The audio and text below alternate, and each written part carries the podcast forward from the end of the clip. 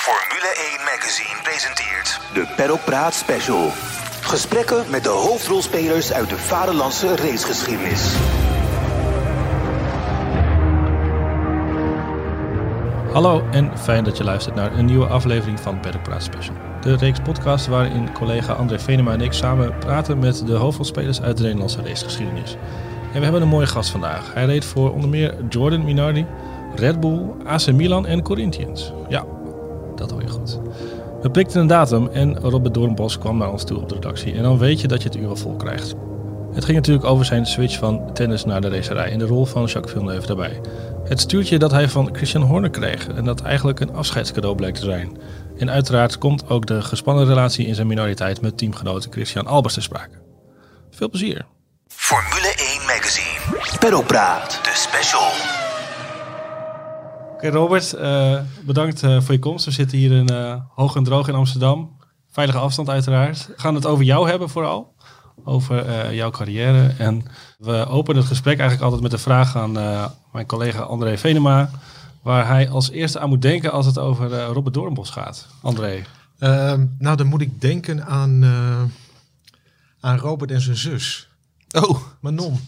Madelon. Of sorry, Madelon. Ja. Wij, nadat eh, Robert eh, in, eh, in, in eh, België had gewonnen, Spa-Francorchamps, de, de beroemde race in de Formule 3, de natte race, was, zag ik Robert heel vaak op het, op het vliegveld met, met zijn zus. En wat mij destijds opviel, was, was zijn openheid en vriendelijkheid. Hij was heel toegankelijk voor, voor volgens mij alle media, maar zeker, maar zeker ook voor mij destijds. En dat is eigenlijk volgens mij zijn hele carrière zo gebleven. Je hebt altijd eh, heel goed, eh, ja dat klinkt een beetje oneerbiedig, maar zo bedoel ik het niet. Maar je hebt altijd goed voor je PR gezorgd, voor je eigen PR. Snap je? Nou ja, leuk dat je aan me denkt in ieder geval, mee te beginnen, André. eh, top. Ehm, ja, nee, ik begrijp zeker wat je bedoelt. Maar ik denk dat dat wel van nature is, dat ik zo ben als persoon. Want het Ja. is niet dat ik toen al bezig was met... Nee, ik, ik, moet een, ik bedoel ook niet dat het onnatuurlijk is, maar dat het, ja. weet je, het, het viel mij gewoon op, omdat...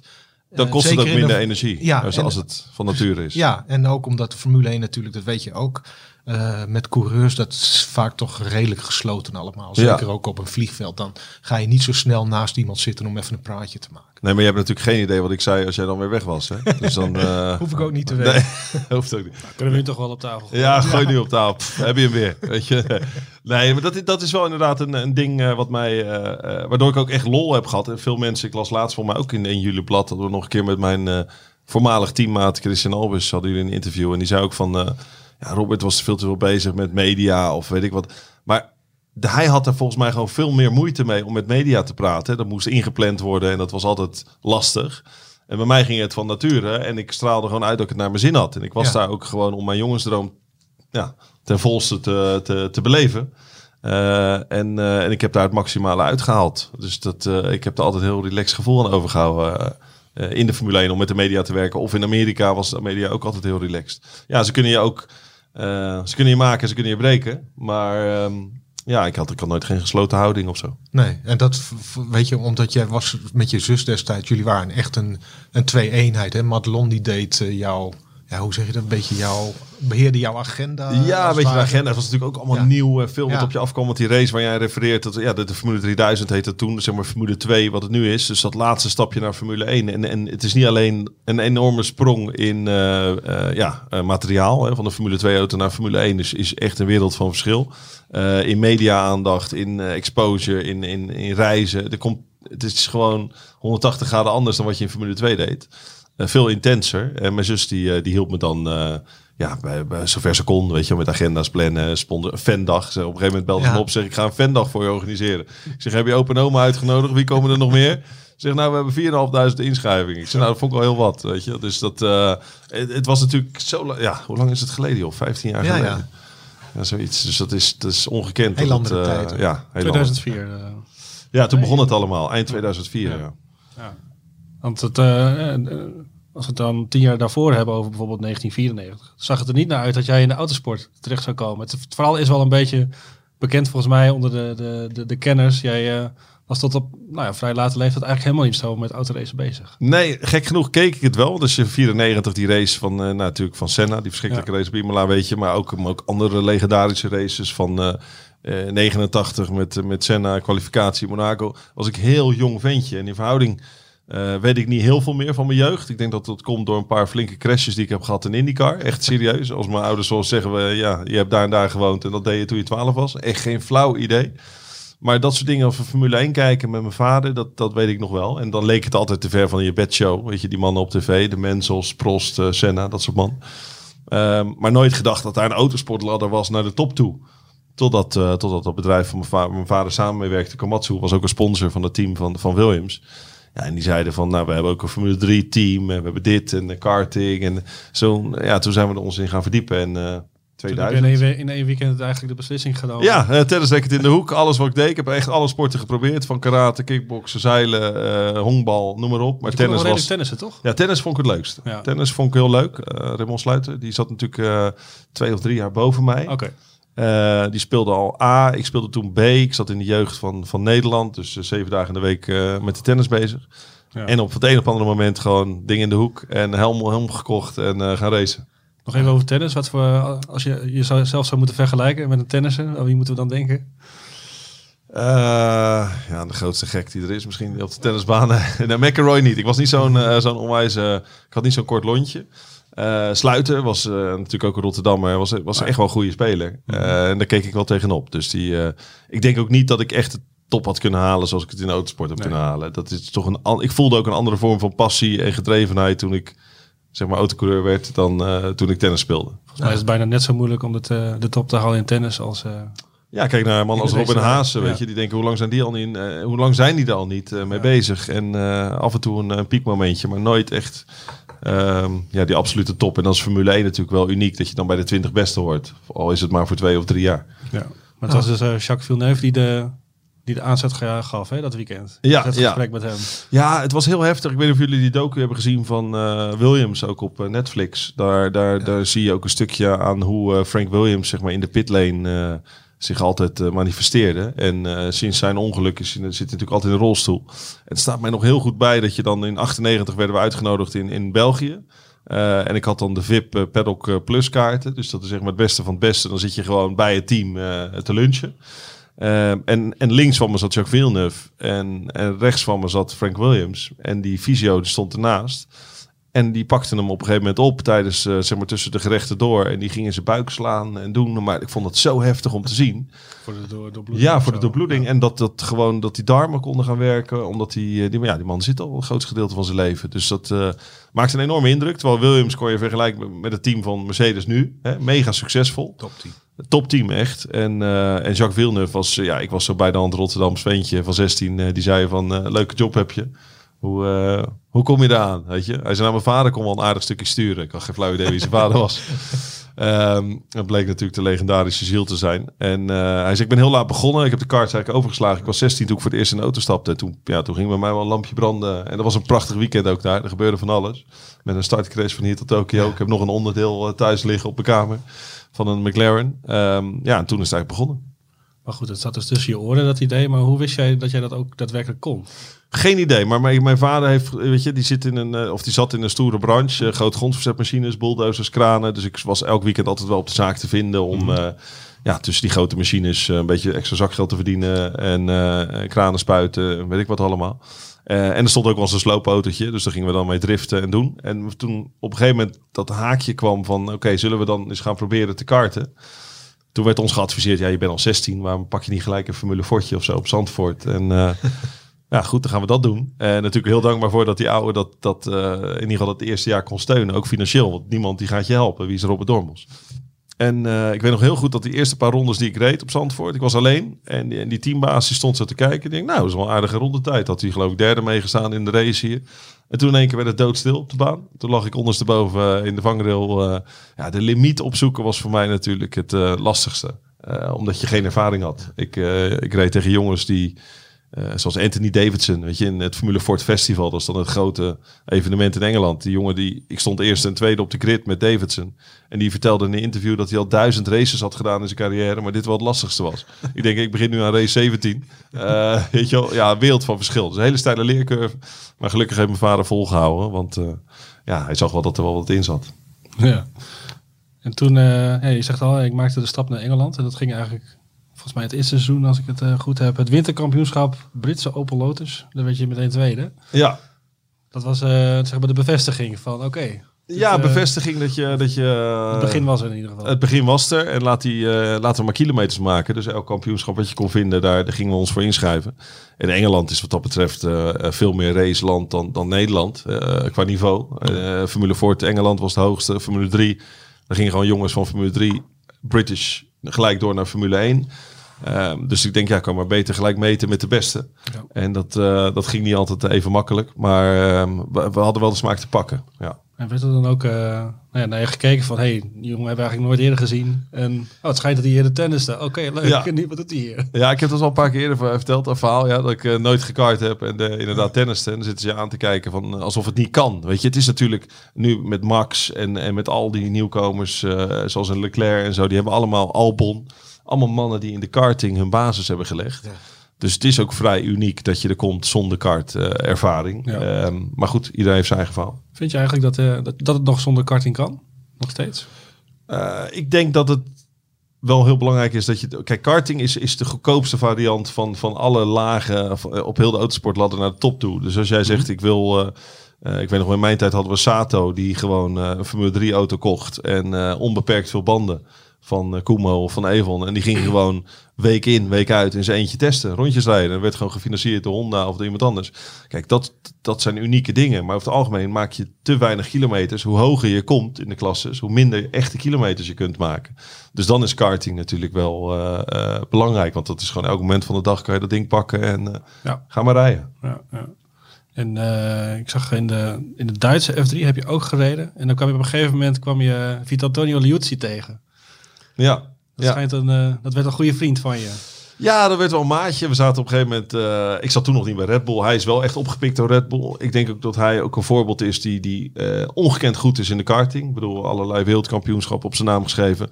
Maar het duurde best wel lang voordat hij die transitie maakte naar formuleauto's. Dat hij daar ook net zo bijzonder was. Eh, uiteindelijk heeft hij natuurlijk een, een, een mooi cv. Maar ja, de Formule 1 is niet gelukt. Ehm, ik, ik, ik- hij miste toch net even dat, eh, dat laatste beetje. Wat meerdere jongens hadden. Ik bedoel, ik ook. Hè. Uiteindelijk is dat ook niet eh, voor de lange termijn gelukt. Maar Liuzzi was wel een, eh, ja, een bijzonder, bijzonder karakter. Het verbaast me ook niks dat hij nu een discotheek heeft en een restaurant. Zeg maar. Ja, dat was toch toen ook een, een stapmaatje. Ik was ook Ja. benieuwd, hoe ziet een avond met uh, Liuzzi eruit? Een avond. Nou, dat begint in het donker en je komt net voor het ontbijt terug. zeg maar, dat idee. Ja. Oké, ja, nee, nou, dan geen, dan geen woorden meer aan vuil maken. Nou ja, nee, ik, wil wel, ik weet niet hoe oud de luisteraars zijn, maar ik kan wel even doorgaan. Maar eh, nee, dat, dat is wel iemand die... Ja, dat zou je eigenlijk aan hem zelf moeten vragen. Ik, ik vraag me af of hij niet af en toe wakker is geworden s'nachts en denkt van misschien... eh, had ik eh, eh, ja, iets, iets serieuzer moeten zijn met mijn sport. Althans, zo kwam het over. Alsof hij af en toe... Hij was geweldig snel over één ronde. Ja, ja op- hij kon ongekend goed zijn over één ronde. Eh, maar en, ja, misschien in de race weekenden dat dan toch anders of zo. Hè? Er werd... eh, bedoel, ieder voor zich. En Kimi Räikkönen is ook natuurlijk niet... Die komt ook niet over alsof die mega gedreven is en eh, elke dag in de sportschool hangt. Maar die, eh, die kan altijd terugvallen op zijn unieke talent. En ik denk Liuzzi die probeerde dat ook. Ko- Kortom, hij is heel ver gekomen. Hij heeft een aantal jaar in Formule 1 gezeten. En goed voor hem. Maar ehm, eh, ja, wel, wel maatje. We hebben wel echt gelachen. Ik denk als wij één anekdote als die mag ophalen... is toch wel de Hertz rentalcar... eh, waar we toen eh, mensen van dat, van dat bedrijf moesten rondleiden op het circuit. Eh, en toen kwam iemand naar me toe en die zegt... Hoezo ben jij die mensen aan het rondleiden op het circuit heel het weekend? Zei, ja, we, hadden, we kregen straf van Christian Horner. Want toen hij was met teammaatje hè, in Formule 3000... En we hadden, maakten er wel eens een, een sport van dat als we aankwamen op een vliegveld en we pakten allebei een huurauto, dan was eigenlijk het doel of de wedstrijd was je mag de koppeling niet gebruiken totdat je weer aankomt op het circuit. Nou, dat geeft vrij bijzondere beelden als je dan je, ja, je, documenten inlevert bij de, bij de poort van Hertz. En vervolgens hoor je dat ding op maximale toeren. En gewoon zonder die koppeling gewoon een jankje met één keer in de eerste versnelling. Dat je gewoon met een wheelie wegrijdt daar. Ja, daar worden ze al niet heel blij van. En op de snelweg ook spiegelstraf gereden gedaan. We sloegen een beetje door. Ehm, op een gegeven moment trok hij aan mijn handrem met, ik denk, 180 op de snelweg. Dus we hadden vierkante banden. Eh, en toen Christian Horner daarachter kwam, toen kregen we echt al eh, op ons flikken. En toen moesten dus een heel weekend lang de mensen van de Hurts entertainen. maar eh, ja, weet je, met Lucie was gewoon altijd kattenkwaad. En eh, eh, leuke tijd, zeker. Don't, don't be gentle. Don't be gentle, it's a With a rental. rental, Dat ja. hebben we zeker gedaan. Ja, je noemt hem al. Hè? Je bent al onder Horner in de F3000 eh, terechtgekomen. Zag je toen al zeg maar, een beetje de contouren van de, nou, de, de, de Horner die, hij- die hij nu is?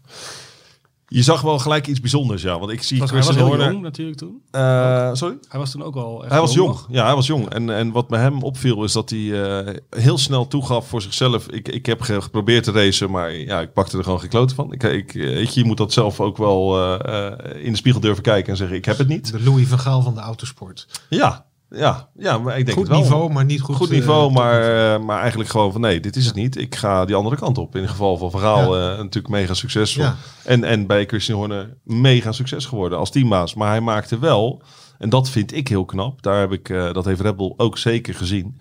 Eh, Formule 3000 teams heb je Coloni toen de tijd, Supernova, Arden. Dat waren wel echte toppers. En Arden was van Christian Horner.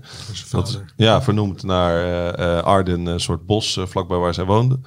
En, en in die klasses heb je allemaal gelijke motoren, gelijke banden, gelijke chassis. Dus hoe kan je nou echt het verschil maken? Ehm, ook een beetje uitstraling van je team. Dus ik weet nog dat wij aankwamen. Ik was uitgenodigd voor een test aan het einde van het Formule 3 kampioenschap. Ik had in Macau eh, tweede geworden en in Korea ook. Ik denk, nou, dat is mooi afgerond, Formule 3. Door naar die volgende stap. Maar dan zei ik wel tegen de mensen om me heen die mij steunden. Ik zeg, dan wil ik alleen naar het beste team. Anders heeft het niet zoveel zin. Dus het beste team was of Coloni of Arden. Eh, Supernova nog een beetje. En toen kwam ik aan in Gires en dan was het Piquet was uitgenodigd voor die test. En Lapierre en Rosberg en nog een paar mannen. En iedereen kreeg dan of een halve dag of een hele dag. En ik weet dat eh, eh, ja, de Piquet die, die viel niet echt goed bij Horden. Want die kwam aan en die tekende gelijk een vizier van zijn helm. En zegt hij, eh, Christian, this is for you. En die keek echt zo naar hem van, "Goh, je maakt een grap. Ik heb wat moet ik met jou handtekening? Eh, dus die had nog een bepaalde arrogantie over zich. En Nelson Jogen. En ik, ging, ik, ik keek toen bij de teams binnen. Ik had een ochtend bij Colonie. En dan zag ik gewoon Italianen rondrennen. Die kwamen eh, net te laat op het circuit. Allemaal eh, verschillende kleding aan. Eh, de pitbox zag er niet uit. De benzinetank stond er nog. Maar ja, die auto die was bloedjesnel over één ronde. En toen keek ik bij Horner. En dan hadden ze dus de avond van tevoren... waren die monteurs al aangekomen. Hadden ze de pitbox al geschilderd. Nou, wat? Twee emmertjes verf. Eh, mooi de pitboarding neergezet. Teamkleding kwam net van de wasseretten af. Foutjes zat er nog in. Ja, dan staat er wel even een andere organisatie. En, en het is, dat, dat is leiderschap, vind ik. En dat zie ik ook in het zakelijk leven. Nou, daar kan je ook bepaalde karakters onderscheiden op die manier. Eh, dat, het kost geen moeite. Daar heb je niet meer budget voor nodig. Maar dat is discipline, focus, commitment. Oog voor detail. Oog voor detail. En de concurrentie dacht toch bij zichzelf... Hmm. Ja, de eerste drie tienden zijn al vergeven. Want die zien er wel heel, heel goed uit. Ja. En, en eh, da- da- dat viel mij op. En toen eh, gaf hij mij de kans om te rijden. En toen zei ik, waarom heb je mij gekozen? Ik bedoel, ik had een goede test. Ik ging, eh, ging hartstikke hard met die auto. Eigenlijk, hoe- meer pk ik kreeg in deze auto's, hoe, hoe, hoe beter dat beviel. Ehm, en toen zei hij, ik koos je om, ook omdat je een teamspeler bent. En, eh, en dat is belangrijk, want we gaan met Liuzzi voor de titel. En we willen bij jou op de tweede plek komen. En dan hebben we dominantie. En dan, eh, dan ben ik, dan ben ik heel happy. Dus, dus ja, ik, zie, ik zag meteen in hem, om terug te komen op je vraag, heel lang antwoord, eh, dat het echt gelijk een leider was. Dat Ja. het wel iemand is die, die groot kon worden in de sport. Ja, Marco heeft natuurlijk, Helmut Marco heeft natuurlijk de naam dat hij de harde is. Maar volgens mij is Horner ook wel een... eh, Heel hard. Alleen harder. is, is het toch, ja, als je ik denk als je de hiërarchie bekijkt, is het uh, Matesic, eh, Helmoet en, en Christian. Eh, Ja. Dus, dus ik denk dat je lastig die twee met elkaar kunt vergelijken. Want er is altijd wel iemand die eh, nog net even het laatste woord ja, heeft. ja, ja. En eh, we zeiden net al, je won op Spa volgens mij ook als eerste Nederlander. Ja. Een wedstrijd in de Formule 3000. Dat was jouw arrival uiteindelijk. Ja, ja, ik zeg altijd Wel een beetje je- hype ontstond. Je hoeft, je, kijk, kijk naar jongens als Albon en eh, kijk naar Russell. Die heeft natuurlijk een waanzinnig cv. Die heeft gewoon alles gewonnen wat er is in de juniorklasses. Nou, dan kan je niet meer doen dan dat. En dan verdien je uiteraard een stoeltje in Formule 1. Maar er zijn ook jongens die eh, op het juiste moment pieken. Hè? Dus of je nu in je eerste jaar in Formule 3000, zoals ik dan deed, eh, opvalt met, ik geloof, zes podiums en één overwinning. Ja, stop. Weet je, dat is goed. En het- ik had eigenlijk contract voor het tweede jaar. En toen zei Christian tegen mij, ja, je mag blijven. Maar het enige wat dan voor jou helpt, is dat je dominant kampioen wordt, zoals Liuzzi dat deed. Want als jij, Ik had alleen maar minder doen eigenlijk. als je opnieuw tweede wordt Ja. in het kampioenschap, denk je, ja, wat is dat? eh, dan heb je het net niet. Dus Nee. in die klasses wil je nooit te lang blijven hangen. Nee. En ehm, ehm, Geen idee wat je vraag was eigenlijk, maar ik... eh, Ja, ja, ik noemde het een arrival. Dat je- en Ja, de, Ja, dat je op het juiste moment ja. piekt. Ja, het juiste moment pieken. En eh, ik denk die race was voor mij... eh, in Spa was het belangrijkste. Ja. Ook omdat het gewoon op zo'n dominante manier ging. Dat kon winnen in de regen. Eh, en eh, Eddie Jordan hield zijn belofte. Want die had ik op, voor de race nog gevraagd van Eddie... hoe kom ik in godsnaam in de Formule 1? Hè, want die, die lopen daar rond, die teambazen. Je staat daar gewoon op de grid als, als, als pikkie. En dan kijk je, dan droom je van die Formule 1 paddock. En toen zei Eddie Jordan, nou, dat was een paar jaar geleden een Spanjaard. Die won de race met bijna een minuut voorsprong.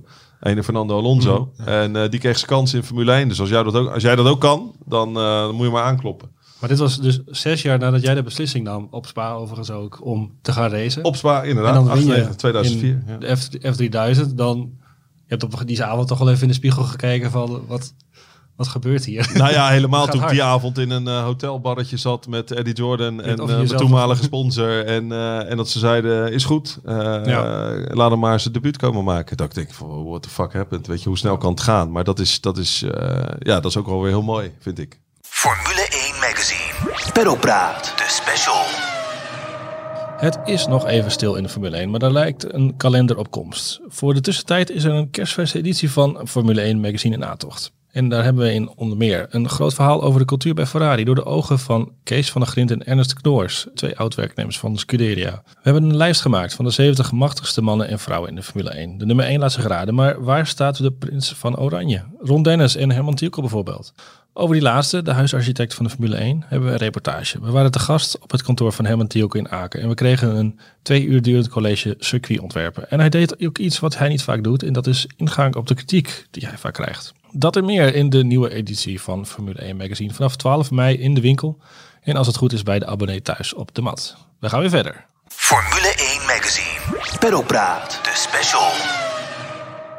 Toen ging je dus testen bij Jordan, als ik het goed heb. Hè? Ja, alleen was dat niet gewoon een test zoals iemand anders zou krijgen. Relaxed, weet je wel, in Barcelona, een beetje, een beetje onder de radar. Nou, ja, hij zegt de enige kans om jou in die auto te zetten is tijdens de vrije training in China. Ja. Eh, Shanghai, net nieuw opgeleverd circuit, was nog een bouwput. Ehm, hij zegt, eh, ja, take it or leave it. Ja, tuurlijk, take it. Maar geen shakedown, niks. Hè? Nog niet eens op een rechtstuk gereden met dat ding. Gewoon eh, een stoeltje gepast in de fabriek. Toen de laatste race Monza gedaan in eh Formule 3000. Nog een mooi podium gepakt. En in het vliegtuig naar, naar Shanghai. Ja, met zo'n met zo'n dikke pil over hoe zo'n Formule 1 stuur werkt. moest je de Met, koppeling eh, wel eh, gebruiken, denk ik, hè, bij het wegrijden. ja, die moest ik wel gebruiken. Zeker, ja, de Formule 1. En ik, waar zit die ook alweer? Oh ja, achter het stuur. Ja, in Formule 3000 was dat nog best een primitieve auto ten opzichte van de Formule 1. We hadden misschien eh, 10 functies op het stuur. En hier had je er 70. Ja. Ehm, dus dat was, dat was een lange vlucht. Ehm, helemaal niet flashy, geen business class of zo. Het laatste ticket dat nog beschikbaar was, was achterin bij de toiletten, 45E. Ik zeg, maakt mij het uit, ik pak hem. Eh, en eh, ik heb niet geslapen en een boek uit mijn hoofd geleerd. En eh, ja, dan maak je gewoon je debuut in één keer op een Grand Prix En weekend. dan sta je tussen die jongens in, Ja. in de paddock. Ja, ik was wel de allereerste die ging rijden op het circuit. Ik ging de baan. Ik dacht eerst van laat hem niet afslaan, laat hem niet afslaan, laat hem niet afslaan. Want iedereen stond om jouw pitbox. Want niemand ging rijden dat eerste uur. Denk, laat, eh, zeker niet die grote jongens. Ik geloof dat Schumacher nog in, gewoon in zijn motorhome koffie aan het drinken was. Ik was helemaal gespannen met nog een witte helm. Nog helemaal niet eens het design kunnen spuiten, niks. Ja, en ik, ik, reed weg en hij, viel ge- eh, gelukkig niet stil. Ik denk, nou, dat is de eerste overwinning. En dan het moment dat je die pit limiter indrukt aan het einde van de pitlane. En ja, die 900 pk barsten los, jongens. Dat is nog steeds, ik kan er nog steeds van genieten. Dat is zo gaaf. 0 naar 300 in Is je eh, een acht soort van welkom geheten of zo door coureurs? Of is dat... eh, Ja, een aantal jongens kende ik wel. Die, eh, want toen waren testrijders ook nog iets meer in beeld dan nu. Hè? Dus je had bij Toyota had je Ryan Briscoe. gewoon vaker testrijders ingezet Ja. bij de eerste En er, er was geen testreglement, dus je kon onbeperkt testen. Dus sterker nog, je wilde eigenlijk liever in de Formule 1 debuteren als testrijder, omdat je dan echt kilometers kon maken. Ja. Ik had ook bij Red Bull op een gegeven moment eh, 36 dagen per jaar dat je aan het rijden was. Weet je, dat, dat is in verhouding echt veel. Als je vergelijkt nu, hebben ze er vier tot maximaal acht. Ja. Ehm, maar goed, dus die eerste meters, ja, heel spannend. En, eh, ik- maar ik keek in mijn spiegel en ik zag alleen één grote stofwolk van ellende natuurlijk. Het was, het was echt nog een bouwput. Het was echt, echt net opgeleverd. Dus ik remde af en toe nog eh, iets wat te vroeg eh, links en rechts. Maar eh, aan het einde van de dag geloof ik een seconde achter Heidveld. En dat was toen, dat was toen Dat prima. Ja, ja. dat was prima. Ja. En toen leek je ook op weg naar een zitje bij Jordan voor het jaar erop. Ja, ja, en dan Toen merk je... even, dan maak je kennis met de business. Ik maakte kennis met de business. Ik had al vrij snel door dat Eddie Jordan toch al bezig was met een exit. Eh is, een, eh, is natuurlijk een geweldig karakter. eh, karakter. Eddie, no hard feelings, want hij is altijd open en eerlijk geweest. Als ik hem nu nog tegenkom in Monaco, dan zegt hij, hey Robert, dat appartement daarboven, dat betaalt jouw sponsor nog steeds. Weet je wel, hij is, zo, zo hard is hij. Meedogenloze zakenman, waanzinnige teambaas. Maar ik, je merkte wel dat hij bezig was met een exit. En eh, daardoor kon ik ook geen contract tekenen. En werd dat maar uitgesteld, uitgesteld. En toen kwam eh, ja, de nieuwe eigenaar, Colin Collis met eh, Alex Schneider. Schneider. Ja. Ja, en toen kwamen uh, Kartikeyan en Montero. Montero.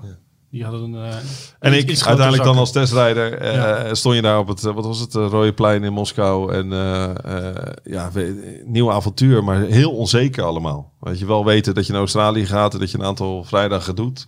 Maar mag je dan racen ook? Of eh, die, die Engelsen hebben ook van die, van die waanzinnige termen in hun contract. Van de, de team will decide from time to time when to put the driver in the car. Ik denk, wat heb, wat heb ik nou eigenlijk getekend? Weet je? Ja. wat staat hier nu? Eh, maar er werden allemaal onderling altijd deeltjes gedaan. En, eh, de- eh, lastig. Zo'n team was niet, ja, bijna meer bezig met overleven dan met racen. Was, was Muurmans destijds al jouw ja, sponsor of Ja, partner? nou sponsor. En eh, ja, zo is dat begonnen. Hij was natuurlijk altijd actief in de Formule 1, ook met Jos Verstappen. Ja. Eh, ze had vrij snel door dat de Formule 1 een unieke, unieke businesswereld is. Waar, waar eh, grote partijen samenkomen die je anders in het dagelijks leven niet snel ontmoet. Als je bijvoorbeeld in Monaco met een Grand Prix... als je gewoon in een Italiaantje zit te eten, zit naast je zit in één keer de eigenaar van WhatsApp. Of tijdens een Grand Prix weekend. Weet je, de, de Formule 1 trekt natuurlijk de hele bijzondere der aarde aan. En eh, ja, Harry Muurmans wilde zich daar eh, graag tussen mengen. Eh, zaken doen. Geen, geef ik hem geen ongelijk in.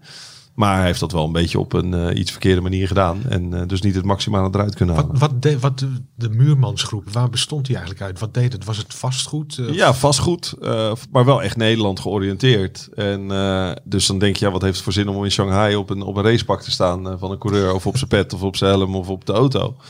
Eh, maar nogmaals, het ging om die business. Ik bedoel, Ja. ik, ik, ik kan geen namen noemen, maar ik zat in vliegtuigen terug, eh, vaak een privévliegtuig. En dan werden daar gewoon serieuze deals gedaan, eh, zakelijk. doordat hij die mensen kon entertainen, mee kon nemen. En, en ja, zo werkt het. Zo werkt het spelletje wel. Dus, dus dat gedeelte begreep ik ook van hem. Maar wat ik nooit heb begrepen is dat hij het verschil tussen sponsoring en lening niet helemaal door had. Eh. Dat is, eh, dat is eh, nou, dat weten heel veel mensen waarschijnlijk wel. Dat, dat, is, dat is geschikt uiteindelijk. Dus, eh, Er zijn diverse rechtszaken daarover geweest. ja. Ik kan me nog herinneren dat, eh, dat ik met jou in Rotterdam ooit een keer heb gesproken met je advocaat eh, destijds over deze zaak. Ehm, heb, je, heb je daar slapeloze nachten van gehad? Want het ging om, om heel erg serieus geld uiteindelijk. Uiteindelijk, na eh, bijna negen jaar procederen, Ja. is het eh, de grootste privéclaim ooit eh, toegewezen aan iemand. Hè. 10 miljoen in privé eh, kreeg ik eh, om mijn oren. Terwijl ik eh, ja, alle niveaus had gewonnen. Ehm, en, en in één keer bij de Hoge Raad kwam er een eh, meerkamerige rechtbank uit Limburg, heel toevallig. En eh, draaide in één keer 180 graden om. Ja, dat, is, dat, dat, is, dat was wel een klap even. Dat, dat vonden ze. Ik denk, hè? Weet je? En nu, dit, dit kan niet. Het is gewoon onrecht. Ehm, maar ja, dan er waren ook geen mogelijkheden meer. om laatste dan, eh, instantie. eh, ja, de- ja, we zijn er, echt- je kon dan nog in cassatie, maar dat is alleen als er vormfouten zijn gemaakt. Ja, ik ben inmiddels een expert geworden met eh, hoe het allemaal werkt. Ehm, nee, dat was in die tijd heb ik zeker stress gehad. En met name wat heel zonde is, en dat is voor hem zeker het geval geweest, is dat hij ehm, dat hij die zaak is überhaupt is begonnen. Want eh, hetonnam mijn verdere carrière. Er lagen prachtige contracten van HWA, Mercedes en DTM. Eh, kon je gewoon serieus geld verdienen. En hij kreeg dan gewoon zijn deel. Eh, maar laat me gewoon doen waar ik goed in ben. En ga me niet voor de voeten lopen. Want uiteraard zei Norbert Haug, wat toen nog de grote baas was. Die ken je ook eh, Mercedes. bij Mercedes. Ja. Die zei, Robert, wil je graag hebben. Je cv spreekt voor zich. Maar los eerst je shit op. Je, wij willen hier niet dat er loonbeslagen worden gelegd Nee. en zo. En dat soort dingen. Dus, dus iedereen nam toch langzaam afstand van je. En daardoor is je, ja, je racecarrière wel als een nachtkaars uitgegaan. Omdat je eh, met de grote jongens in ieder geval niet meer mee kon komen. En eh, eh, die wilden ook dat risico. En dat begrijp ik ook. Weet je, los gewoon je shit op. Eh, je bent een fijne vent, je kan hard rijden. Maar we hebben we geen zin in hoofdpijn. We hebben in, met, met Sauber gezien, met Guido, hoe dat uiteindelijk... Dat werkt niet. Nee. Eh, Dat, is te, dat, dat, wordt, dat heeft ook te veel impact op, eh, op je resultaten. Eh, ik heb eh, jarenlang in Amerika nog gewoond en gereisd. En daar heb ik een hele goede vriend eh, leren kennen. En die man had een perfecte quote. To, to be at your best, you have to eliminate negative thoughts. Ik, ik reed op een gegeven moment een IndyCar met, op een oval in Kentucky met 380 gemiddeld. En ik was aan het nadenken over die, over die brief van die advocaat. ik denk, ja, als ik nu... eh, ja, dat kost je toch tijd. Ja. Het, je speelt met je leven. Want ieder jaar in mijn tijd in ieder geval in IndyCar brak er iemand zijn rug of, of erger nog eh, overleed zelfs, zoals Dan Weldon. Ja, ik denk, waar ben ik nou mee bezig, joh? En dan heb ik hem dat ook nog een keer aan zijn verstand willen brengen van... Weet je, laat me met rust, laat me mijn ding doen. En dan, dan kan ik het echt wel, eh, eh, kunnen we echt wel gewoon succes blijven boeken.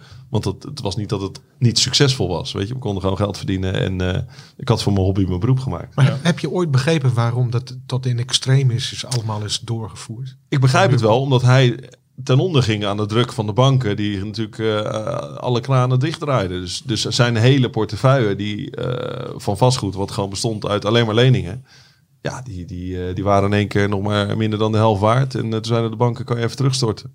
Dus, dus hij is ten onder gegaan aan zijn eigen gretigheid van meer vastgoed, groter, groter, grootst. Ja, toen kwam de crisis. En eh, dan, dan is het van om je heen slaan, waar, waar kan ik nog wat beuren? Hè, Zoals hij altijd zei. Ja, beuren, eh, niet bij mij. Want in die tijd, eh, Robert, dat weet je ook, jullie waren een twee-eenheid. Hè? Er was, er was geen spel tussen te krijgen. Waar Harry was, was Robert. Ja. En waar Robert was, was Harry. Ja, en dat is, dat is toch het gekke dat ik denk bij mezelf, ik zou dat niet anders hebben gedaan. Nu, het is altijd makkelijk om nu te zeggen van, eh, had je maar een briefje ergens in de kluis gelegd hoe het echt was.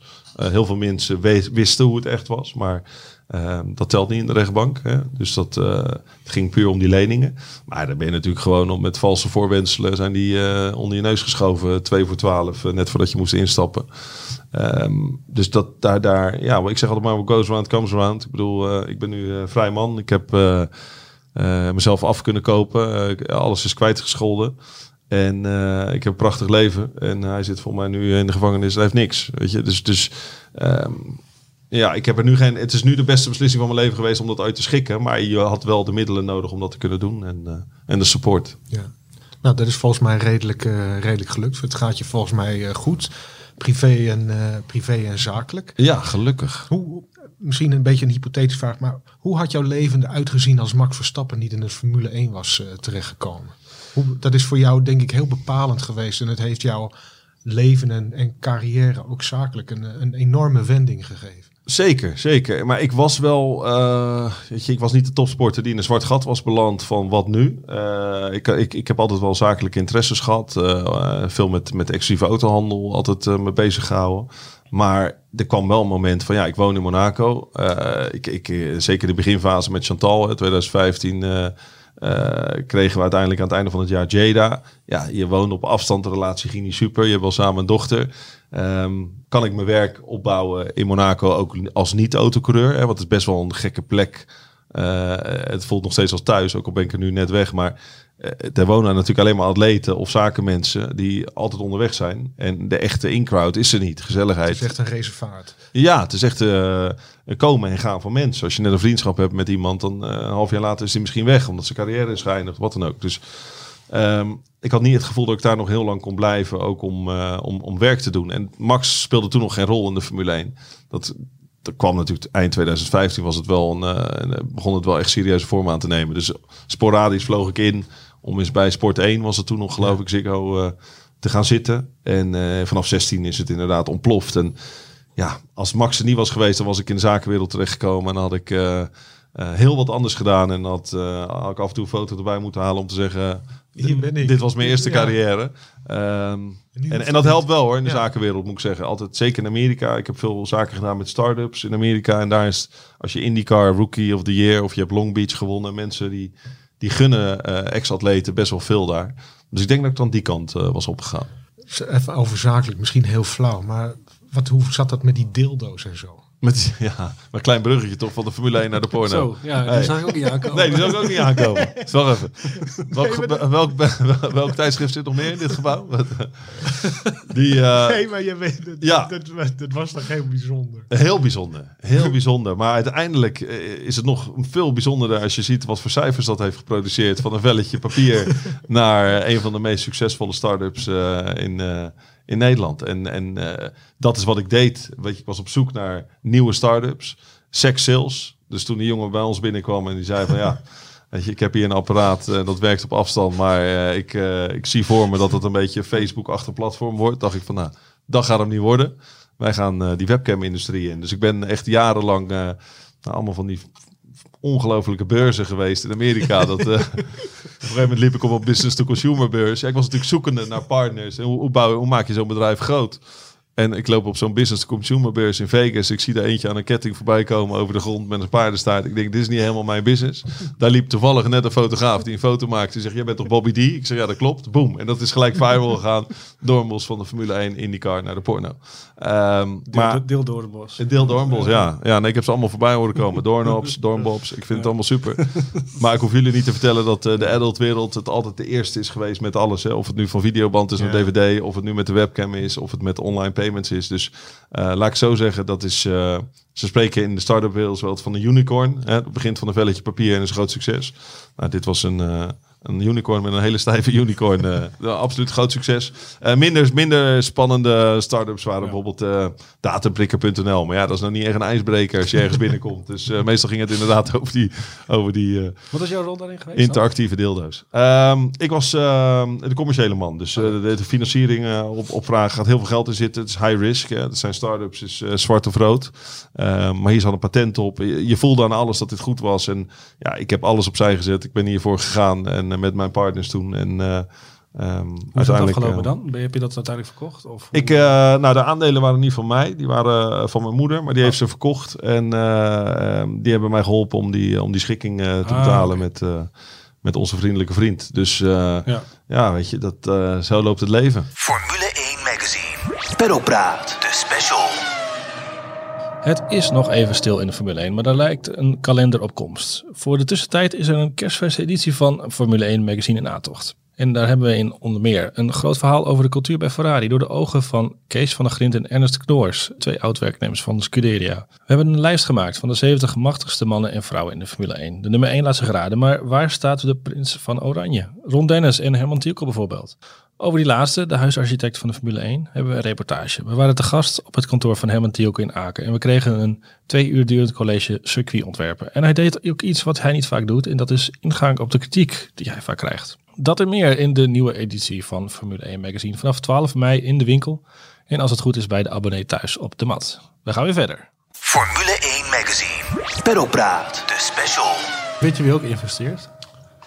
Christian Albers, jouw eh, teamgenoot. Even een bruggetje weer terug naar de... Ja, ja die kom ik nog wel eens tegen. Ja, ja, ja. Ehm, eh, want hè, je zei, eh, je was testrijder bij Jordan en toen halverwege het seizoen kon je instappen bij Minardi. Daar werd dan eh, de Double Dutch Double Dutch. ontstond daar. En eh, Met die prachtige foto op de voorbanden eh, Ja, ja, ja. Ja. ja. in de garage. ik ging wel met mijn hand omhoog zitten. Maar ik geloof dat Paul Stoddert echt dat, dat armpje van Christian omhoog moest trekken. maar ik, denk, ik denk dat die foto wel alles vertelde over de, de verhouding Ja. in het team. Dat Ja. was, niet, eh, was geen gelukkig huwelijk. Laat het zo zeggen. Ja, en nee, ik, ik, ik, eh, ik, ik had de ervaring bij Jordan en ik moet zeggen, naar Rain en eh, Thiago, hele lieve gasten. Maar eh, ja, er was geen kwaad bloed, weet je. Dat was allemaal gewoon, die zaten daar om, om hun redenen en het seizoen Lieve uit te zingen. Lieve jongens, ja. Ehm, ik denk dat ze prima ook wel wisten dat het een, een eenmalig avontuur zou worden daar. Omdat het team gewoon op omvallen stond. En Minardi had toch wel iets meer flair, gek genoeg. Hè? Het was het kleinste team in de paddock, maar... een eh. Gebeurde Ja. altijd wat. ja, ik weet je, alle grote helden hebben daar natuurlijk een debuut gemaakt. Denk aan eh, Webber, Alonso, Dornbos. Eh, allemaal zijn ze daar begonnen. Ehm, maar ik kwam naar binnen inderdaad. Ja, en Christian die... eh, dat, dat- ja, dat boterde niet. Ik weet niet, het was voor mij met de sponsoren en er was wat De frictie. managers, de de Lodewijk en managers. en dan Harry Muurmans. Denk je, joh, weet je, eh, fotoshoots, dan kwam hij weer te laat of hij had weer zijn eigen eh, kleur klompen laten spuiten, omdat hij, eh, ik denk dat hij altijd bezig was met, met die volgende stap. En dat wil je natuurlijk. Je wil eh, bij Minardi binnenkomen en naar een beter team. Maar het was ook wat het was, weet je. Je kan die auto, je kan nog zes uur lang in die meeting gaan zitten om die auto te verbeteren. Budget voor nieuwe voorvleugel was er niet. Dus ja, je, je, je kan die voorvleugel niet zelf beter maken. Dus op een gegeven moment was het, ja, je kon maar zoveel doen daar. Dat viel me al vrij snel op. Dus het was dan van weekend naar weekend gaan en, en jouw Grand Prix in een Grand Prix, dat is tegen de Jordans, proberen te winnen. Ja. En dat is een gekke mindset. Ik kwam uit Formule 3000 waar ik vooraan reed en waar ik races kon winnen. En nu moest ik gewoon focussen op P16. Dat was dan best of the rest. Ja. Nee. En, en eh, dat is Formule 1 wel. En dat probeer je ook nu uit te leggen, ook bij Ziggo. Van jongens, het is niet... Lewis Hamilton is goud, is een legende, is een held. Maar zet hem in een Toro Rosso. En, dat, eh, weet je, en, en er gebeurt in verhouding... Het zal wel vuurwerk zijn, maar er gebeurt een stuk minder dan nu. Ehm, Dus, dus het materiaal is in Formule 1 natuurlijk super belangrijk. Je zei het net ook al, je kreeg dan het verwijt dat je te veel met media bezig zou zijn. En uh, hij zei het zelf volgens mij. Ik zat dan bij briefings en Robert stond bij de pers. Kun je begrijpen dat hij dat gevoel had? Ja, weet je, ik lees allemaal dingen en denk, je, joh, wat fijn dat je nog zo met me bezig bent. Maar uh, uh, ja, ik niet met jou, met alle respect. Het, het, was, ik, ik, denk, als je er gewoon doorheen leest, dat je een hoop frustratie ziet van misschien gemiste kansen. Hij, voor mij zei hij ook van, ik, ik heb nooit echt zo genoten als Robert. Je weet dat je in de Formule 1, dat kan morgen over zijn. De weg er naartoe is lastig, om er te blijven is nog veel lastiger. Dus live the moment, weet je. Pak je moment, geniet ervan en uh, ja, blijf niet te veel hangen in... Uh, nogmaals, je kan uren in die briefingroom zitten. Het verandert niks. Nee. ik ben... Ehm, ja, ik was daar ik had het wel helder voor mezelf. De auto gaat toch niet harder. Het is wat het is. Uiteindelijk moesten we het, een muntje werpen voor de stuurbekrachtiging. Nee. Ja, toen ben ik maar naar een sponsor gegaan. En zei, jongens, dit kan echt niet. Je kan niet in Hongarije rijden, een Formule 1 auto zonder stuurbekrachtiging. Dus laten we een potje maken. Kijk, dus, je kan Minardi niet vergelijken met elk ander team op die grid. Dat was uh, zo, uh, ja, was ander niveau. Was een, ja, sorry, nog één, één Albers-vraag dan. Waar ik nog even nieuwsgierig naar ben. Want hij zei bijvoorbeeld... Robert nam mijn setup uiteindelijk over naar vrije trainingen. Gebruikte die voor kwalificatie of voor race of wat dan ook. Klopt dat? Dat vroeg me. Ja, nee, de, de, het is niet dat iemand zegt... Je zit zoals wij aan een tafel zitten, maar dan met twintig man. Ja. En uh, je praat over en weer van wat kan er beter aan de auto? Wat, kan er, wat moet er veranderd worden? En als je zegt, eh, in Spa bijvoorbeeld, nam ik een setup met uh, low downforce en hij een setup met uh, medium downforce. Ja, onderaan de streep op start-finish scheelde het 800ste op een circuit van 7 kilometer. Dus dan weet je, dan, ja, dan zit het compromis ergens in het midden. Het is minimaal. Dus mm kopiëren van setup, ja, het ligt op tafel. Als je zegt, gooit het bij mij ook op, gooit maar, maar hij ging dan met, uh, voor, ja, met, zoals hij het nu zegt, met een eerstrijk, alsof hij die setup dan bijzonder heeft gemaakt. Je probeert dingen. En, en zo heel veel mogelijkheden waren er ook niet bij Minardi. Nee. Basis setup is basis setup. dus fine-tunen. Iets anders, je had het net over Hongarije. Daar moest je je zitje even afstaan aan een, aan, aan Nissani. In de vrije training. Ja, ja, ja, dat weet ik nog heel goed. Hele aardige vent, jongen. Ja. Mooie, eh, die avond ervoor helemaal te gast in zijn huis en de top. Maar die had zich ingekocht, ja, voor een, uh, voor een training. Um, en dat was heel bijzonder. Ja. Die ging zitten en uh, die, die, die lijnen die ik nog nooit had gezien op de Boede Hongaro Ik kan me dan voorstellen, hij rijdt die garage uit. Ja. Iedereen staat te kijken. Nou, ik vond het knap dat hij rechtsaf ging. Ja, ja. Ik twijfelde heel even of hij linksaf ging. ik vroeg me gewoon heel erg af, hoe, is dan, hoe, hoe staat iedereen dan te kijken? Ja, toch een beetje. Die monteurs met name met angst. angst van, als hij, denkt, als, hij, als hij dingen afschrijft, dan hebben we maar een paar uur om te fixen voor Robert. Um, en die teambaas die zat waarschijnlijk in te loggen op zijn op IBAN. en hij denkt, nou, hè, ja. het staat erop. Dus dat is lekker. Uh, en ik keek en ik luisterde mee op de boordradio. En ik heb iets gehoord, jongens, wat ik nog nooit, nog nooit in mijn leven had gehoord. Het was een beroemde quote. Hij had nieuwe sloffen gekregen, nieuwe banden. Nou, dat zat ook in de prijs. Doe maar één rondje, alles of niets. Ja, en die zie ik hoekig die baan overgaan. En dan zeg ik, hoor, zo op de boordradio, I'm coming in, there's too much grip. Nou, ik dacht dat ik echt gewoon van die pitmuur afviel. Ik denk, wat is dit voor figuur? Geweldig. Geweldig, fijne vent, maar dat was een eenmalig avontuur eh, in de, in de Formule 1, ja. Uh, dus ik kreeg mijn auto weer terug, heel, met een klein plasje erin, denk ik. Maar uh, van angst. Nieuw stoeltje. Nieuw stoeltje. Maar waar haal je, je zit dan bij Minardi, je rijdt veel achteraan. Je zei het al, het is eigenlijk rijden tegen Jordan. Waar haal je dan nog het plezier uit? Wat, waar is de voldoening? Ja, gek genoeg is het toch uh, die, die jongensdroom die uit is gekomen. En ik ga je vertellen, ik had van de week toevallig een filmpje gekregen van iemand door mijn eerste quali-lab. En als je gewoon meeluistert, nog zo'n V10-motor met die 900 pk. En, en natuurlijk was het vechten en had je al overstuur voordat je instuurde. En was het een hok vergeleken bij een uh, Renault of een Ferrari toen de tijd. Uh, maar het was wel je jongensdroom die uit was gekomen. Het is het snelste wat je, wat je, wat je ooit zal rijden. Als je niet, niet beter kan dan een Minardi. Ik kreeg later gelukkig nog een kans in een betere auto. En dan ben je in één keer twee seconden sneller. En dan denk je, wacht even, ik ben precies dezelfde vent als vorige week. Maar dan besef je pas hoeveel, hoe groot het verschil in materiaal is. Is dat die, eh, die de, de, band van vroeger met Horner, heeft hij daarbij uh, geholpen om bij Red Bull te komen? Ja, die hielp wel. Want ik was wel in die paddock bezig. Ik denk, ja, Minardi, dat wordt dan een overname. Daar, hè, die gesprekken die, die, die speelden al van Toro Rosso. Dus, dus mijn contract werd maar uitgesteld om bij te tekenen. Ik denk, ja, want als, als ik had getekend bij Paul, dan had Helmut Marco dat contract ook moeten uh, respecteren. Maar die hadden natuurlijk een ander idee om, uh, om in ieder geval die junioren kwijt te kunnen. Dus toen begon eigenlijk contact met Christian. Ik zei, kan jij me niet helpen aan, aan weet je, dan maar testrijden bij een beter team? Ja, want je zat niet in de Red Bull familie natuurlijk. Hè? Nee, nee. En dat is half wel een beetje in die Formule 3000. Dan begonnen we een beetje met elkaar te, te flirten, zeg maar. Omdat het, eh, ja, en in en, eh, Red Bull Nederland, eh, daar had ik wel dan een overeenkomst mee. Ehm, de- die merkte wel dat als er Nederland in de Formule 1 was, dat het, dat, dat hielp commercieel. Met de verkoop van de blikjes. En, ehm, en Christian Horner zei toen, van, nou, er komt wel een testrijderstoel eh, vrij bij ons. Dan eh, ben je, sta je daarvoor open. Ja, zeker. Weet je, top. Kilometers maken, beter worden, technisch. En, eh, eh, en, en, en toch een kans krijgen. En hopen dat er misschien Christian Clean een keer een dag zijn been, zijn enkeltje verzwikt of zo. Weet je? Ja, dat is dan, dat is dan je doel als testrijder. Je bent dan vooral aan het testen natuurlijk. Moet je dan bijvoorbeeld, heb je dan veel, bijvoorbeeld heel veel contact met Adrian Newey? Hoe, hoe gaat zoiets? Je hebt, moet natuurlijk feedback geven over Ja. hoe alles voelt. Dan moet je ineens met de tovenaar... Ja, tovenaar zegt dat het de Einstein van de Formule 1 is dat. Ja, dat was natuurlijk ook het geheim van, van Bull. Dat ze zeiden, we halen David Coulthard binnen. Ehm, Ze hebben, en ze we- hebben meer geïnvesteerd in Newey dan in coureurs hè, toen ze begonnen. Zeker. Nou, meer in, in, in staf. En dat geeft aan hoe intelligent Horner was, is. Omdat hij dacht, ja, het heeft geen zin om voor het eerste jaar sterrijders, supersterrijders. Ze hebben Want nodig. Ja. we hebben gewoon een structuur. We hebben een basis. Jaguar had er natuurlijk een beetje een zootje van gemaakt. Dus we moeten gewoon, we beginnen van scratch. En eh, toen zag ik dat hij aan David Coulthard eigenlijk zei of vroeg van, je hebt hier blanco check. Ga maar al jouw eh, mensen in de paddock na waarvan jij denkt dat ze het verschil kunnen maken. En dat zijn mensen die, die jullie ook allemaal niet zien op tv. Hè? Die zitten dan, eh Adrian Newey is dan bekend van tv. Ja. Maar Bob Bell zat er toen achter de schermen. En nog een paar jongens, aerodynamica specialisten die gewoon in de fabriek werkten. Maar hele, hele slimme koppen die bij het succesvolle McLaren eh, gewoon weggekocht werden. Ehm, in, in, ja, in de hoop van het nieuwe Red Bull avontuur. En de- dat is de basis geweest. En daarna zijn ze gaan werken aan rijders. En toen hebben ze mij eh, gecontacteerd. dat komt eigenlijk alleen maar beter gaan natuurlijk.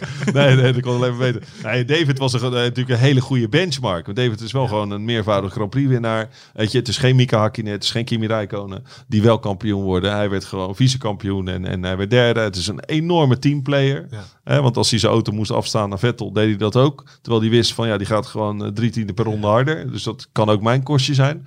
Maar ja, toch hebben ze hem gewoon eh, nu nog eh ja, eren Een ze soort Dus, ambassadeur eh, is het ja. eigenlijk. Hè? Ja. Ja.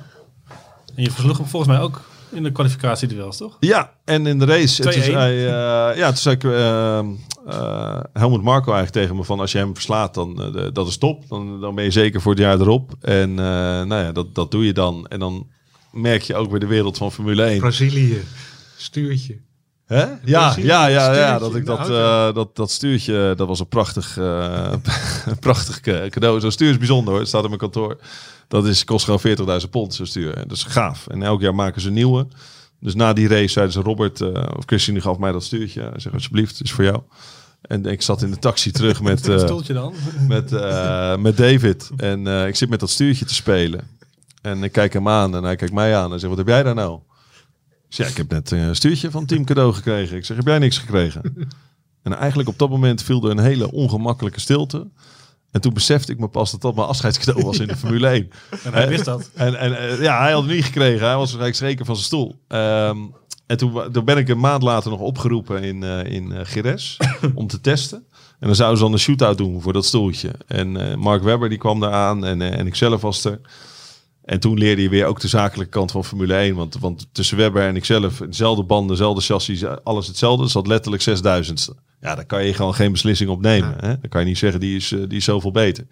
Ehm, maar vanuit het team werd wel de vraag gesteld van wat, wat, wat kan Webber meenemen? En Flavio Briatore had toen gezorgd dat die Renault-motoren werden vervangen bij Red Bull eh, voor die, eh, in plaats van die Ferrari-motoren. En dat is een waarde van misschien wel 20, 30 miljoen dollar per jaar. Dus toen zei ze, wat kan jij meenemen? En toen ben ik nog een paar mensen ondersteboven gaan schudden. En eh, Harry. toen hield het, eh, ja, ja dat, die zakken waren al leeg. Dus dat was, ehm, ja, toen was, toen was het vrij snel klaar. Dus toen zei ze, blijf testrijder en eh, we gunnen je een kans in Amerika. En dan moet ik zeggen, daar ben ik ze nog dankbaar voor. Want dat was eigenlijk een heel mooi avontuur. Mooi slotstuk toch wel ook. Ja, ja en eigenlijk daardoor ook alweer gewoon het sporthart eh, kunnen, kunnen, kunnen vullen. Hè? Want als, als sportman in Amerika hoef je niet bij het beste team te zitten om races te winnen. Eh, en dat, eh, dat is iets wat je toch wel ging missen in Formule 1. Om dan, ja, wat is, hè, wat is nou je ultieme doel? En dat is toch op zondag op het podium staan. Was het, was het een hele grote overgang naar Amerika? En we weten allemaal dat Amerika veel toegankelijker is Ja. over het algemeen. Ja, het paste wel beter, denk ik misschien wel bij Ja. me nog. Maar, maar met name de auto's was een groot verschil. Omdat het ehm, vrij primitieve auto's zijn ten opzichte van Formule 1. Natuurlijk hele andere budgetten. Een topteam daar had een budget van 20 miljoen dollar. Terwijl Formule 1 team opereert met 350 miljoen Ja. dollar. Hè? Dus dat is, dat is ook appels met peren vergelijken. Maar ja, wat we kennen van Amerika, mega spektakel. Die motoren, die klonken nou, waanzinnig. Eh, ze hadden ethanol. Eh, het, het, het, het ging loeihard. En, en, ja, en spannende races met heel veel safety cars en, en show. pitstopstrategies. Goede show. Ja. Dus eh hoogste haalbare daar. En Formule 1 was toen gewoon, ja, gewoon niet hot in Amerika. En IndyCar, Chamcar eh, wel. Dus dat, eh, dat was een leuke binnenkomen, ja. Succesvol eerste jaar ook. Bobby D. Bobby D in town. Ja, ja. La, la- weten dat ik later in die, in die pornoproducten zat, was dat wel een goede naam. Hè? Ja, Race in Vegas, dat past ook wel. eh, race in Vegas. Ja, dat was de eerste week nog wel. Ja. Toen zei ze, Bobby D eh kwalificeerde tweede, finishte tweede, geloof ik. Ehm, en dan was echt zo van, oké, hoe is de new kid aan de blok? Weet je, die komt uit Formule 1, laat het even zien hier. En eh, toen heb ik geloof ik negen podiums aan een rij en overwinning. En mijn grote Franse vriend eh Bourdain nog, eh, nog in de muur gezet in Toronto. En toen ging ik aan de leiding van het kampioenschap. Ik denk, wow, wat gebeurt er? Echt top. Echt, echt genoten. Dat was ook Hadenij, toch? Met Boede. Weet je wel. Weet je wel. Beetje. Maar toen ik hem in de muur reed, deed ik wel mijn handje omhoog. Van sorry. maar daardoor had ik wel de punten in het kampioenschap. Nee, ja, dat, dat, dat boterde niet helemaal. Ook omdat hij te Amerikaans was met die regels. Weet je, van niet blokken, eh, niet te agressief rijden. Ja, en ik, ik, ik, ik had dat wel. En ik had hem toen, geloof ik, bij die eerste overwinning in, in Canada, in Montreal. Had ik hem op het gras gezet met 300. En Dat kon hij niet heel erg waarderen. Ja, dat had hij in Europa zelf ook gedaan. En, en daardoor denk ik ook dat hij gefaald is in Formule 1. Omdat hij bepaalde... eh, netjes. ja, in Amerika is, er wordt hard geraced, maar al hard in rondetijd. Maar echt, en op die ovals wordt er hard geraced, maar dat is meer, ja, moet ik dat zeggen? De, eh, intuïtie en, en, en een beetje dreigen met elkaar. Hè? Dus wiel aan Het is niet wiel. gemeen. Nee, nee in. Europa wordt wel harder geraced, met, zeker in de juniorenklasses. Eh, en, en je mag niet blokken bijvoorbeeld in Amerika. Dus je mag niet, als iemand achter je zit en de eerste volgende bocht is naar rechts, mag je niet aan de binnenkant van die bocht gaan rijden. Wat natuurlijk een hele gekke regel is eigenlijk. Want dan, dan moet je altijd iemand buitenom proberen in te halen. Ehm, maar ja, instinctief doe je dat wel als je uit Europa komt. Dus ik, ik deed dat juist en met hem eh, iets te vaak. En, eh, en het was ook gewoon eh, een battle voor het kampioenschap. Dus dat was, dat was alleen maar mooi, zo'n zo'n wrijving. Maar zoiets creëert natuurlijk wel een, een storyline. En daar Ja, de ik denk dat ze in Amerika er heel blij mee waren. Weet je, Bobby D is in town en Bourdais die stond geloof ik al drie jaar lang bovenop als kampioen. En in één keer stond hij nog maar tweede of derde in het kampioenschap en moest hij er echt voor gaan vechten. Dus nee, echt genoten. 2007, 2008, maar echt een hele mooie jaren. In Amerika heb je eh, wat, wat klappers gemaakt. Was je op, het, op een bepaald moment ook bang om daar nog te rijden? Ja, die ovals. Nee, niet natuurlijk- bang. Alleen ik ging wel op een gegeven moment zag ik dan eh, die Amerikanen hebben allemaal routine, met name ook die Brazilianen, de Castroneves van deze wereld en die die voor de race een, een dominee laten komen en die het een en ander influisteren. Ik denk, wat, wat, wat, is dat, weet je wel? Dus ik tik die dominee op zijn schouder. Ik zeg, wat, zeg je allemaal bij die gasten dan? En toen kwam hij bij mij en toen zei hij, eh, may God bless your equipment, your material. Weet je, echt gewoon de Amerikaanse stijl dominee.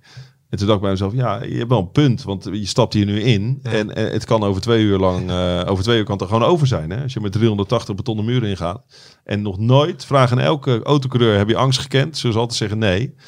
Maar ik heb toen, toen Dan Welder zich te pletten reed, toen kende ik wel angst. Ja, toen dacht ik van mezelf, is dit nou handig? Eh, dus, dus dat was aan het Ja. einde van het seizoen. Dus Ja. dat was meer van, ga je door? eh, de weg op, sponsoren vinden en weer, en weer een nieuw contract tekenen. En toen kwam Dale Coin Racing, dat is ongeveer de Minardi van de IndyCar. En die zei, je mag bij mij voor niks instappen en je krijgt alleen prijzengeld. Nou ja, als je dan races wint, kan je als miljonair naar huis gaan. Maar als je met dat materiaal een race kan winnen, dan eh, kan je beter naar, naar het casino gaan. Dit, dat Amerika, dat, is, dat was toch gemaakt voor jou? Ja, nee, dat was ook echt gemaakt. Dat is ook echt jammer, want dat is 2009 begon die hele rechtszaak. En ik had juist dan, als je nu kijkt naar de Pagino's, eh Will Power, Mhm. eh, Justin Wilson is niet meer met ons, maar die eh, en Baudet die het allemaal goed doen nu in IndyCar. En dan hebben we het over Indy 500 champions, hebben we het over IndyCar kampioenschappen winnen. En nog steeds goed doen. Maar die mannen die, die finishen wel allemaal achter mij in Jamcar. Hè? Dus dat is. Op, natuurlijk had je die eerste paar jaren zoiets van fuck, laat me gewoon doorrijden en eh, dan kan ik meekomen. Nu eh, kijk ik naar, gun ik ze het beste en vind ik het leuk om te Maar je bent volgen. wel op- echt op eigen initiatief gestopt. Nou, ik moest. Ik, ik, eh, sponsoren af. Ja. Ik kreeg te veel negatieve pers. Weet je, het hing gewoon als een, een zwaard van Damocles boven je hoofd. Dus dan heeft het geen zin om. ik heb geloof ik nog ja, ANGP gedaan, omdat ik met Jan Lammers Ja. er heel snel uitkwam om toch in te stappen en te rijden.